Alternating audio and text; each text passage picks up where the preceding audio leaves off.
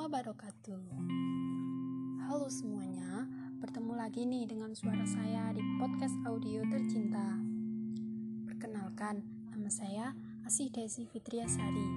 Saya dari Sekolah Tinggi Ilmu Kesehatan Kepanjen.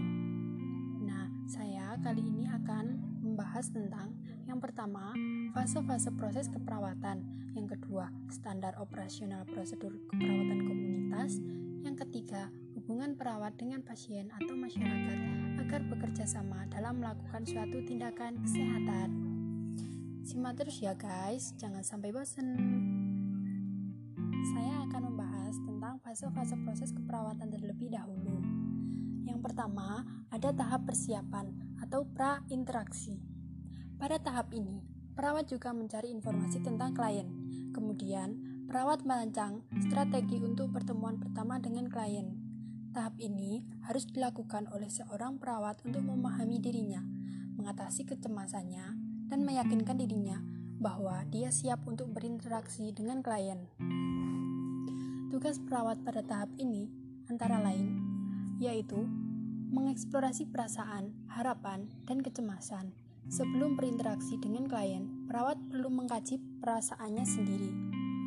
Selanjutnya, menganalisis kekuatan dan kelemahan sendiri. Dilakukan agar perawat mampu mengatasi kelemahannya secara maksimal pada saat berinteraksi dengan klien. Selanjutnya, mengumpulkan data tentang klien. Selanjutnya, merencanakan pertemuan yang pertama dengan klien. Yang kedua, ada tahap perkenalan. Perkenalan merupakan kegiatan yang dilakukan saat pertama kali bertemu atau kontak dengan klien. Pada saat berkenalan, perawat harus memperkenalkan dirinya terlebih dahulu kepada klien. Dengan memperkenalkan dirinya, berarti perawat telah bersikap terbuka pada klien dan ini diharapkan akan mendorong klien untuk membuka dirinya. Tujuan tahap ini adalah untuk memvalidasi keakuratan data dan rencana yang telah dibuat dengan keadaan klien saat ini, serta mengevaluasi hasil tindakan yang lalu. Tugas perawat pada tahap ini antara lain: yang pertama, membina rasa saling percaya, menunjukkan penerimaan dan komunikasi terbuka. Hubungan saling percaya merupakan kunci dari keberhasilan hubungan terapeutik, karena tanpa adanya rasa saling percaya, tidak mungkin akan terjadi di keterbukaan antara kedua belah pihak. Hubungan yang dibina tidak bersifat statis, bisa berubah bergantung pada situasi dan kondisi. Itu, untuk mempertahankan atau membina hubungan saling percaya, perawat harus bersikap terbuka, jujur, ikhlas, menerima klien apa adanya, menepati janji, dan menghargai klien. Yang kedua, merumuskan kontrak pada klien. Kontrak ini sangat penting untuk menjamin kelangsungan sebuah interaksi. Pada saat merumuskan kontrak, perawat juga perlu menjelaskan atau mengklarifikasi peran-peran perawat dan klien agar tidak terjadi kesalahpahaman klien terhadap kehadiran perawat. Di samping itu, juga untuk menghindari adanya harapan yang terlalu tinggi dari klien terhadap perawat karena klien menganggap perawat seperti dewa penolong yang serba bisa dan serba tahu. Perawat perlu menekankan bahwa perawat hanya membantu, sedangkan kekuatan dan keinginan untuk merubah pada diri klien sendiri. Yang ketiga, menggali pikiran dan perasaan serta mengidentifikasi masalah klien. Pada tahap ini, perawat mendorong klien untuk mengekspresikan perasaannya dengan memberikan pertanyaan terbuka. Diharapkan perawat dapat mendorong klien untuk mengekspresikan pikiran dan perasaannya sehingga dapat mengidentifikasi masalah klien. Yang keempat, merumuskan tujuan dengan klien. Perawat perlu merumuskan tujuan interaksi bersama klien, karena tanpa keterlibatan klien, mungkin tujuan sulit dicapai. Tujuan ini dirumuskan setelah klien diidentifikasi. Selanjutnya ada fase orientasi. Fase ini dilaksanakan pada awal setiap pertemuan kedua dan seterusnya. Tujuan fase ini adalah memvalidasi keakuratan data, rencana yang telah dibuat dengan keadaan klien saat ini. dan mengevaluasi hasil tindakan yang lalu. Umumnya dikaitkan dengan hal yang telah dilakukan bersama klien. Selanjutnya, fase kerja. Tahap ini merupakan tahap inti dari keseluruhan proses komunikasi terapeutik. Pada tahap ini, perawat dan klien bekerja sama-sama untuk mengatasi masalah yang dihadapi klien. Pada tahap kerja ini, dituntut kemampuan perawat dalam mendorong klien mengungkapkan perasaan dan pikirannya Perawat juga dituntut untuk mempunyai kepekaan dan tingkat analisis yang tinggi terhadap adanya perubahan dalam respon verbal maupun nonverbal klien. Pada tahap ini, perawat perlu melakukan active listening karena tugas perawat pada tahap kerja ini bertujuan untuk menyelesaikan masalah klien.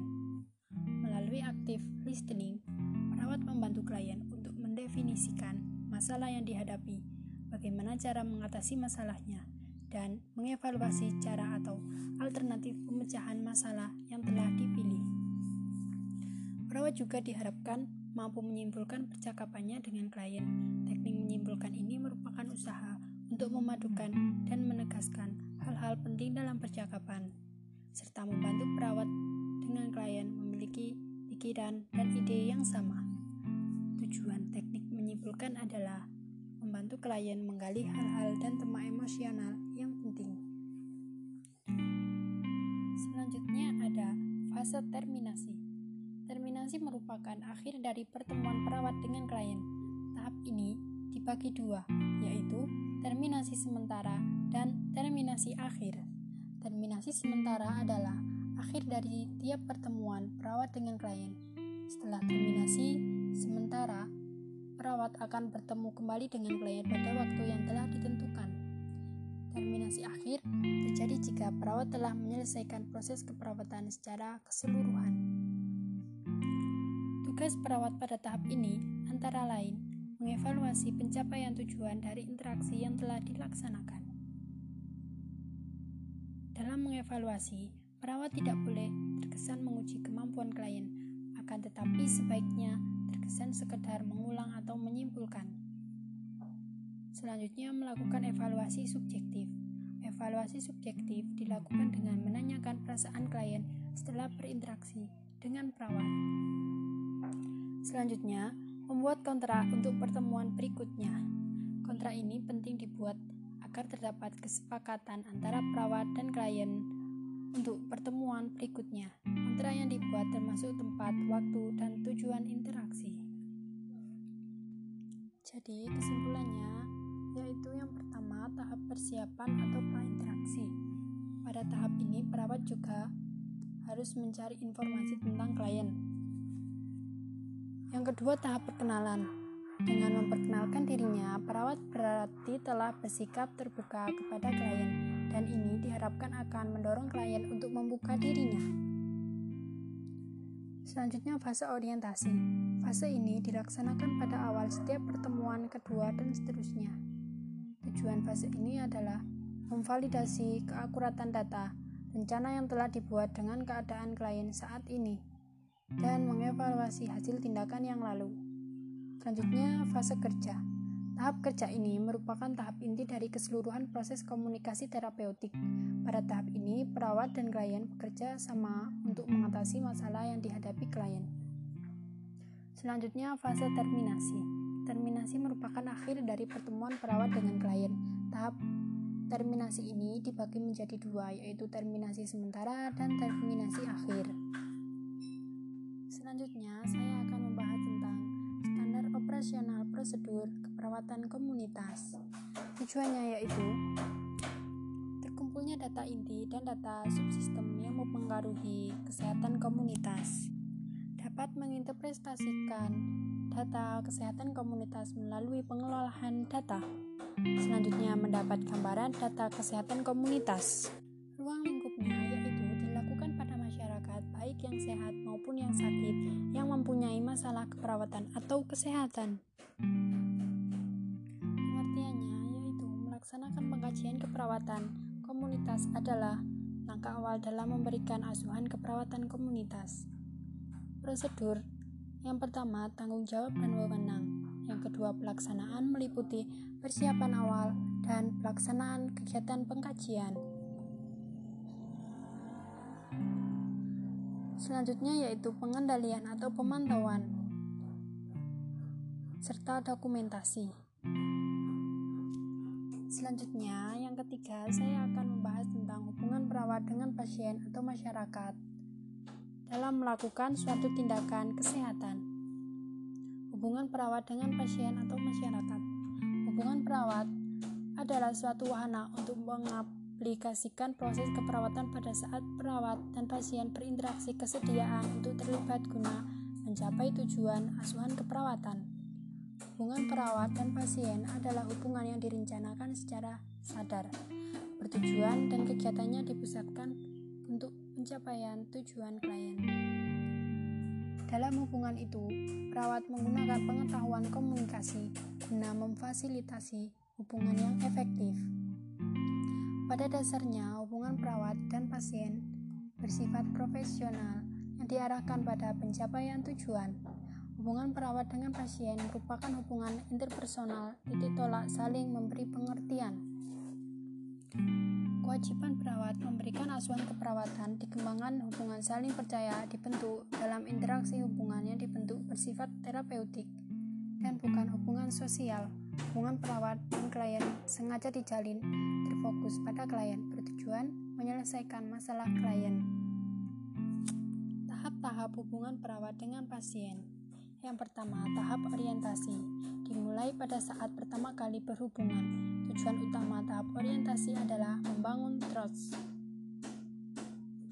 Yang kedua, tahap bekerja yaitu menyatukan proses komunikasi dengan tindakan keperawatan serta membangun suasana yang mendukung untuk berubah. Faktor-faktor yang mempengaruhi klien dalam berhubungan. Yang pertama, perbedaan perkembangan. Yang kedua, perbedaan budaya yang ketiga perbedaan gender, yang keempat gangguan pendengaran, yang kelima gangguan penglihatan. Hubungan yang baik antara perawat dengan pasien akan terjadi bila pertama terdapat rasa saling percaya antara perawat dengan pasien. Yang kedua, perawat benar-benar memahami tentang hak-hak pasien dan harus melindungi hak tersebut. Salah satunya adalah hak untuk menjaga privasi pasien. Yang ketiga, perawat harus sensitif terhadap perubahan-perubahan yang mungkin terjadi pada pribadi pasien yang disebabkan oleh penyakit yang dideritanya. Yang keempat, perawat harus memahami keberadaan pasien sehingga dapat bersikap sabar dan tetap memperhatikan pertimbangan etis dan moral. Yang kelima, dapat bertanggung jawab dan bertanggung jawab atas segala risiko. Yang keenam, perawat dapat mungkin berusaha untuk menghindari konflik antara nilai-nilai pribadi pasien dengan cara membina hubungan baik antara pasien, keluarga, dan teman sejawat, serta dokter untuk kepentingan pasien. Memberikan pelayanan keperawatan kepada individu, keluarga, atau komunitas, perawat sangat memerlukan etika keperawatan yang merupakan filsafat yang mengarahkan tanggung jawab moral yang mendasarkan terhadap pelaksanaan praktek keperawatan di mana inti dari filsafat tersebut adalah hak dan martabat manusia. Karena itu, fokus dari etika keperawatan ditujukan terhadap sifat manusia yang unik. Untuk memelihara dan meningkatkan kepercayaan masyarakat, diperlukan peraturan tentang hubungan antara perawat dengan masyarakat, yaitu sebagai berikut. Yang pertama, Perawat dalam melaksanakan pengabdiannya senantiasa berpedoman pada tanggung jawab yang bersumber dari adanya kebutuhan terhadap keperawatan individu, keluarga, dan masyarakat. Yang kedua, perawat dalam melaksanakan pengabdian di bidang keperawatan memelihara suasana lingkungan yang menghormati nilai-nilai budaya, adat istiadat, dan kelangsungan hidup beragama dari individu, keluarga, dan masyarakat. Yang ketiga, Perawat dalam melaksanakan kewajibannya terhadap individu, keluarga, dan masyarakat senantiasa dilandasi rasa tulus, ikhlas sesuai dengan martabat dan tradisi luhur keperawatan. Yang keempat, perawat menjalin hubungan kerja sama dengan individu, keluarga, dan masyarakat, khususnya dalam mengambil prakarsa dan mengadakan upaya kesehatan serta upaya kesejahteraan pada umumnya sebagai bagian dari tugas dan kewajiban bagi kepentingan masyarakat. Jadi, kesimpulannya yaitu dalam memberikan pelayanan keperawatan kepada individu, keluarga, atau komunitas, perawat sangat memerlukan etika keperawatan yang merupakan filsafat yang mengarahkan tanggung jawab moral yang mendasar terhadap pelaksanaan praktek keperawatan. Untuk memelihara dan meningkatkan kepercayaan masyarakat, diperlukan peraturan tentang hubungan antara perawat dengan masyarakat. Membina hubungan antara sesama perawat yang ada, sikap saling menghargai dan saling toleransi, sehingga sebagai perawat baru dapat mengadakan pendekatan yang baik dengan kepala ruangan dan juga para perawat lainnya. Dalam melaksanakan tugasnya, perawat tidak dapat bekerja tanpa berkolaborasi dengan profesi lain. Profesi lain tersebut di antaranya adalah dokter, ahli gizi, tenaga laboratorium, tenaga ronsen, dan sebagainya. Setiap tenaga profesi tersebut mempunyai tanggung jawab terhadap kesehatan pasien hanya pendekatannya saja yang berbeda, disesuaikan dengan profesinya masing-masing. Oke, semuanya, sekian materi dari saya. Apabila ada salah kata, saya mohon maaf yang sebesar-besarnya, dan terima kasih telah mendengarkannya. See you again. Wassalamualaikum warahmatullahi wabarakatuh.